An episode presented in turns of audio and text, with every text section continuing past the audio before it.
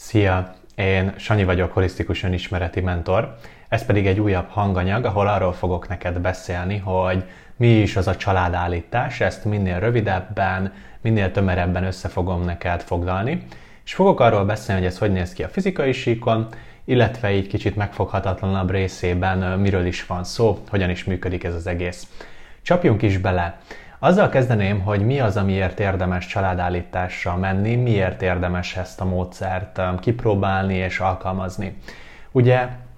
hogyha te is viszonylag normális um, családi környezetben nőttél fel, már ha egyáltalán um, van olyan, főleg aki a családállítás kapcsán érdeklődik, ott általában azért mindig vannak uh, különböző dolgok, ahogy nálam is. Szóval lényeg a lényeg, hogyha ez a hagyományos nyugati szemléletben lévő családban nőttél föl, anya, apa, te, tesók, ha úgy van, akkor valószínű ez azért tartott az életedben neked is egy 18-20-20 pár évig, ameddig ugye velük éltél, velük laktál, de hát 14-ig minimum, um, ha csak nem voltál koleszos. És lényeg a lényeg, hogy ha már csak abba belegondolsz, hogy mennyi mintát tanultál tőlük arról, hogy milyen a férfi sors, milyen a női sors, um, hogy bánunk az élettel, milyen karriert építünk, hogyan viszonyulunk a pénzhez, és akkor még sorolhatnék rengeteg dolgot, de a lényeg a lényeg az, hogy ugye mindaz, ami az övék volt, kaptak egy batyút ők is a saját szüleiktől, hogy ez a világ, ez vagy te, így gondolkodunk magunkról, te azt átvetted. Ezáltal lettek olyan továbbhozott hiedelmeid, hitrendszereid, meggyőződéseid, önkorlátozó gondolataid, amit így nagyon-nagyon szépen, mindazzal a szeretettel, amit jó esetben kaptál, megkaptad ezt a csomagot is, és ezek ugye javarészt, tehát a mintáink, hiedelmeink, ezek automatikusan működtetnek minket, és ez a tudattalanunkban van, tehát hogy ez nem tudatosan zajlik, olyan, mint a fogomosás, ott sem gondolkodsz azon, hogy hogy kell ezt csinálni,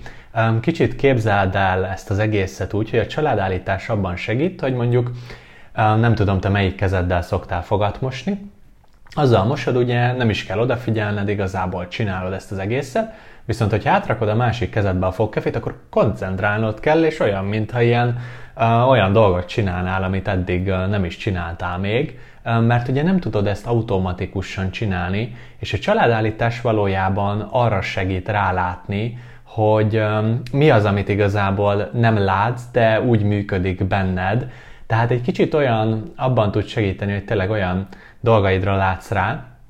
amiket alapvetően nem veszel észre, mert hogy egészen addig azt sem veszed észre, hogy milyen furcsa egyébként fogatmosti, vagy nehéz mondjuk másik kézzel, ameddig nem rakod át a másik kezedbe. És a családállítás alapvetően ezzel kapcsolatban nyit meg új ajtókat és ad új nézőpontokat azzal kapcsolatban, hogy akkor miként, hogyan működünk. Szóval első ízben ennyi, hogy miért érdemes.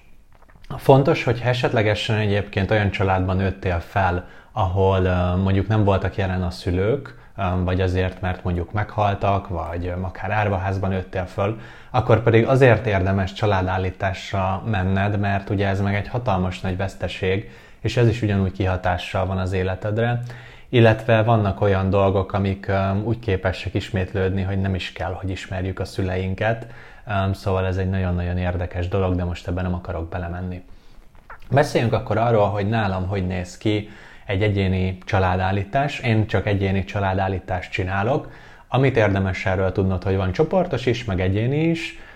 Én a csoportost azt még tanulom, arra még nem vagyok per pillanat kész, viszont nagyon sok aspektusát ismerem már ennek a módszernek, és lassan egy éve csinálok egyéni állításokat, szóval ebben már viszonylag sok tapasztalatom van. Hogy néz ez ki, mit csinálunk? Nálam ez nagyjából két óra szokott lenni, csak személyesen csinálok családállítást, eljön hozzám a kedves kliensem, és érkezik egy adott problémával. Én amikor valakinek elkezdek családot állítani, akkor alapvetően el szoktunk kezdeni dolgozni az anyasebével, apasebével, illetve a belső gyermek sérüléseivel, hogyha most így konkrétan a pszichológiából szeretnénk kiragadni azt, hogy mivel is foglalkozunk. Azért ezzel kezdünk, mert ezekre első ízben érdemes ránézni, hogy egyáltalán milyen volt a kapcsolódás, milyen volt a viszony, mi van ott hátul, amire lehet, hogy nem szívesen nézünk rá, és ezzel érdemes elkezdeni dolgozni, én is így tanultam, a mesterem pedig nagyon-nagyon sok tapasztalattal rendelkezik, körülbelül 15-20 évet csinálja, szóval mivel ő ezt mondta, én ezt elhiszem neki, és így alkalmazom, és ez nagyon szépen beválik nálam is. Szóval szépen lassan szoktam ezzel így elkezdeni dolgozni, és ami fontos, hogy érdemes azért több állításra menni, Um, egyénibe érdemes szerintem inkább kezdeni, mert az egy kicsit um, lájtosabb. Um, és akkor ezzel kapcsolatban menjünk is akkor tovább, hogy ez hogy néz ki. Ugye eljön hozzám a kliensem, leülünk, és körülbelül egy fél órát, órát azt beszélgetünk ebből a két órából, átbeszéljük azt, hogy mivel érkezett, milyen problémája van, és akkor elkezdünk összefüggéseket keresni az életében, elkezdünk arról beszélgetni, hogy mi volt az, ami fontos volt neki, milyen szándéka van, miért szeretne állítani, mi az a változás, amit szeretne, hogyha megtörténne, és akkor ez alapján nyilván én kihallom azokat a mondatokat, amik fontosak, és megszületik bennem az, hogy mit állítunk fel. Mivel dolgozunk? Én színes papírokkal dolgozok, amiknek ilyen nyíl alakja van, és ezeket kezdjük el lerakosgatni a földre. Ami fontos, hogy lehet csinálni zárt állítást, meg nyitott állítást. Ez azt jelenti, hogy ha zárt állítás, akkor a kliens nem tudja annak az adott papírnak a jelentését, a nyitott pedig azt jelenti, hogy konkrétan elmondom neki, hogy ez anyád mondjuk, ez nem tudom, az élete, a párkapcsolatod, és akkor ő szépen lerakja a földre. Én alapvetően azért szoktam inkább zártan dolgozni, mert um, így kevesebb gondolkodásnak van tér, um, és kevésbé kapcsol be ez a fajta agyalás. Um, az én klienseim nagy része egyébként nagyon szeret agyalni, úgyhogy ezért zártan szoktuk csinálni az állítást. Kicsit um, ez az a része, ami megmagyarázhatatlan, hogy jó, de hogy én honnan fogom tudni akkor ezt az egészet. Um, hogyha utána olvasol a családállításnak, akkor van egy morfogenetikus mezőnek nevezett tér, amiben mi ilyenkor dolgozunk, és hát valójában ez egy kicsit az elmesíkján túl van, ezért egy kicsit szkeptikusak sokan ezzel a módszerrel kapcsolatban. Én is az voltam egyébként, ameddig meg nem tapasztaltam. Lényeg a lényeg, hogy akkor is működik, hogyha nyitva van, meg akkor is működik, hogyha zárva van, és um, van, hogy én is csináltam végig nyitott állítást, és a kliens sem agyalt, de hogy alapvetően úgyis nagyon szépen végig tudtunk ezen haladni. Valójában tényleg ez segíti az én munkásságomban, én így ezt tapasztalom, hogy kevésbé racionális így ez az egész, és sokkal jobban tudunk kapcsolódni az érzésekhez, mert általánosságban, hogyha a kliensem nem tudja, hogy ez a papírép mit jelképez, akkor is köt hozzá érzéseket. És um, itt nagyon szépen kiszoktak jönni ezek a beragadások, hogy mondjuk volt olyan kliensem, akinek a magány volt benne a térben, mint egy kis papír, ugye, amit képviselt ez a papír, az volt a magány, és a kliensem azt mondta erre, nyilván nem tudta, hogy ez mi, hogy ez a biztonság számára, és pont ezzel a témával küzdött, tehát hogy nagyon szépen ezek így felszínre szoktak jönni, és én ezt általában fel is írom, miközben csináljuk az állítást, és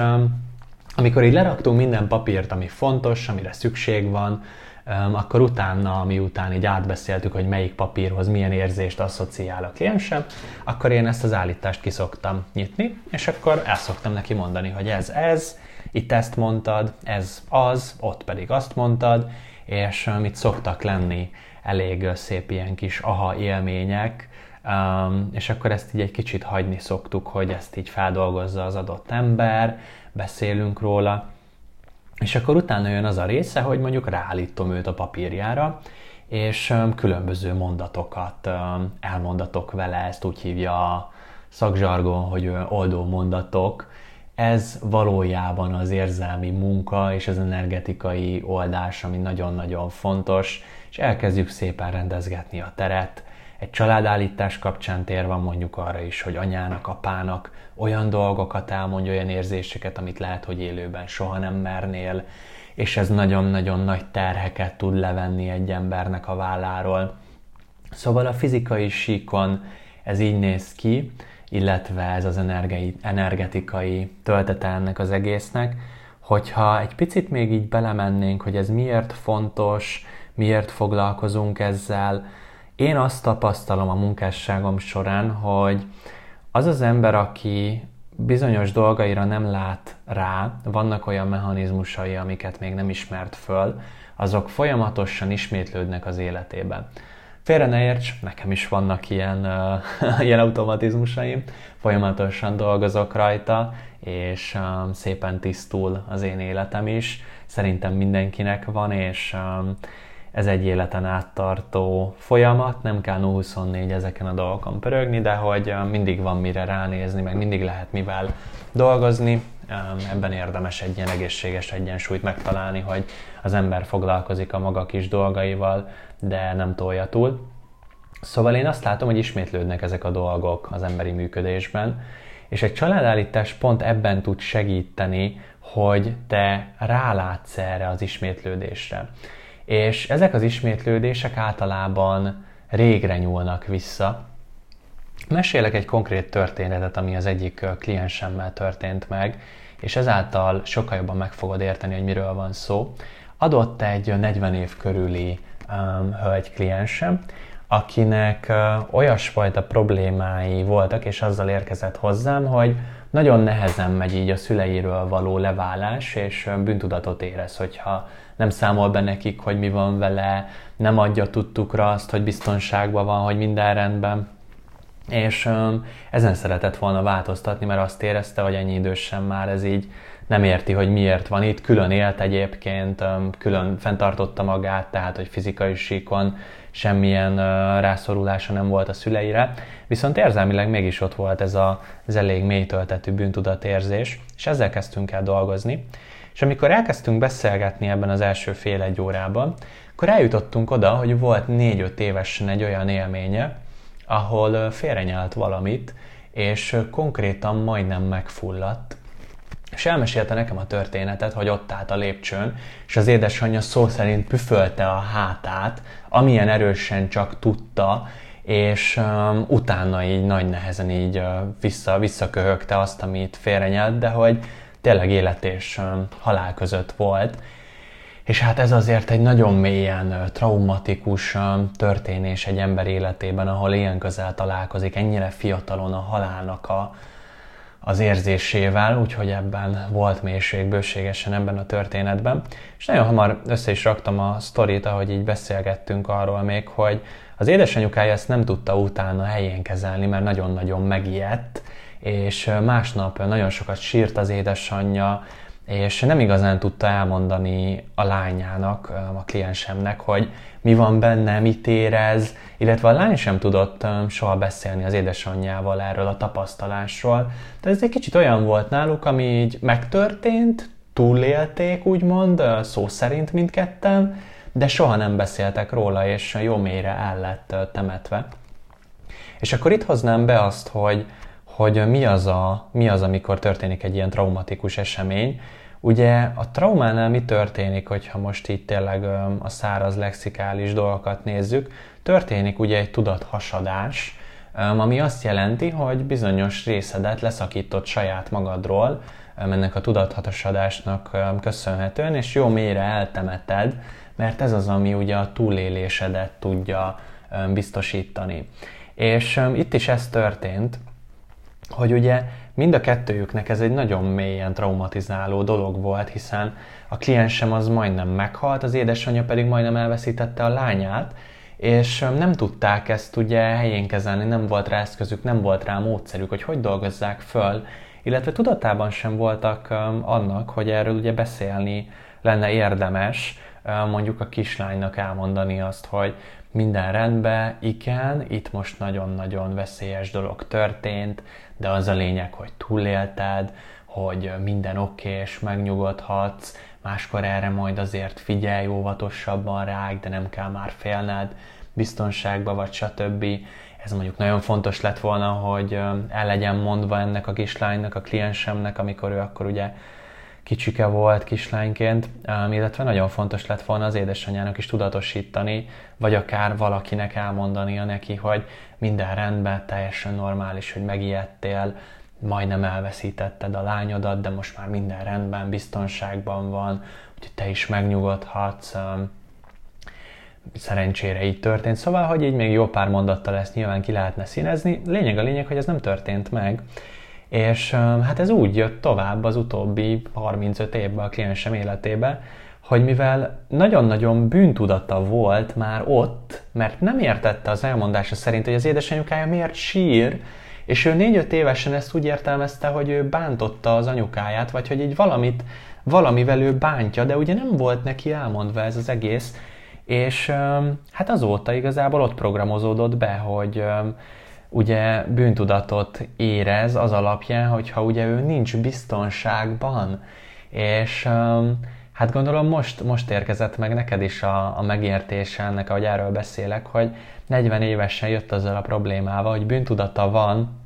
hogyha nem szól a szüleinek, hogy biztonságban van, és volt egy ilyen emlék 4-5 évesen, ahol szintén bűntudata volt, mert ugye nem volt biztonságban. És um, így programozódnak be ezek a dolgok, és egy családállítás abban tud pontosan segíteni, hogy ez szépen fel van állítva, úgymond, um, egy ilyen rendszerként a családállítás segítségével, és ilyenkor végzünk belső gyermekmunkát, dolgozunk az anyával, anyának elmondjuk ezeket a dolgokat, amik ott kimaradtak, de fontos lett volna, hogy elhangozzék, a kislányt is magához veszi ilyenkor a kliensem, és ebben nagyon sokat segítenek ezek a papírok, hogy kicsit olyan, mintha így vissza tudna kapcsolódni az adott ember a gyermekkori ényéhez, ezt fel is szoktuk rakni, be szoktuk rakni ilyenkor a térbe a kisgyermeki ényét, és be szoktuk rakni a mostani felnőtt ényét, és az ő viszonyulásuk is nagyon sokat elmond, és így lehetett ezen dolgozni. Sok könycseppel elpottyant ennek az állításnak a, a kapcsán, és nagyon-nagyon felszabadító volt a kliensemnek, és utána tapasztalta is az életében, hogy ezt sokkal könnyebben kezeli, valójában a probléma gyökerével sikerült foglalkoznunk, és megtaláltuk azt, ami, ami igazából azt okozta benne, hogy ez a, ez a mechanizmus beprogramozódott, Szóval szerintem ez alapján, a példa alapján nagyon szépen meg lehet érteni azt, hogy mit csinálunk, ott csináljuk, és um, tényleg jóformán bármire lehet um, állítani, um, ami után az ember már ebbe egy kicsit elmélyült. Úgyhogy ennyit szerettem volna nektek elmesélni. Én alapvetően egyébként folyamatokban alkalmazom a családállítást, mint egy módszer, több dologgal uh, kombinálom, és ezáltal elég egyedi ahogy dolgozok folyamatokban a klienseimmel, szóval nem csak állítani lehet nálam. Hogyha az alapján, amit most hallottál, azt érzed, hogy szükséged lenne rá, hogy elgyere egy családállításra, illetve nyitott vagy arra is, hogy önismereti folyamatban részt végy, és beszélgetések kapcsán is támogassuk azt, ahogy a te életed jobbá váljon, hogy fejlődj, hogy boldogabb légy, és azt érzed, hogy szívesen dolgoznál velem együtt, akkor fogok hagyni itt a, a hanganyagnak a leírásában egy linket, ahol tudsz hozzám jelentkezni egy ingyenes első beszélgetésre. Egy kérdőívet kell mindössze kitöltened ehhez. Arra kérlek nagy szeretettel, hogy minél részletesebben adj nekem válaszokat, mert ezek alapján, a válaszok alapján döntöm el, hogy hogy ki az, akivel felveszem a kapcsolatot, és lehetőséget biztosítok neki arra, hogy egy ingyenes beszélgetésen részt vegyen. Fontos, hogy nyitott vagyok, de azért szűröm az embereket, és tényleg csak olyan inspiráló emberekkel szeretek együtt dolgozni, akik valójában szeretnék meggyógyítani önmagukat, és szeretnének fejlődni, haladni, és tényleg nyitottak a változásra. Úgyhogy ha szeretnél jelentkezni, akkor nagy szeretettel biztatlak rá, hogy jelentkezz, és lehet, hogy még találkozunk is nem sokára akkor. Örülök, hogy meghallgattad ezt a hanganyagot, remélem, hogy hasznos és informatív volt számodra. Hogyha tetszenek a hanganyagjaim, akkor kövess be, iratkozz fel, hogy mindig értesülj a frissebb és frissebb hanganyagokról. Hogyha hagysz nekem egy öt csillagos értékelést, azt nagyon hálásan megköszönöm, mert ezáltal a Spotify, illetve az Apple Podcast is minél több emberhez juttatja el a hanganyagjaimat, ami, ami számomra nagyon-nagyon fontos, illetve azt is megköszönöm, hogyha elküldöd egy barátodnak, akinek szintén hasznos lehet és informatív, illetve hogyha továbbosztod esetlegesen Facebookon vagy Instagramon reprostolod, azt is nagyon-nagyon hálásan köszönöm. Úgyhogy örülök, hogy itt voltál, és legyen további szép napod!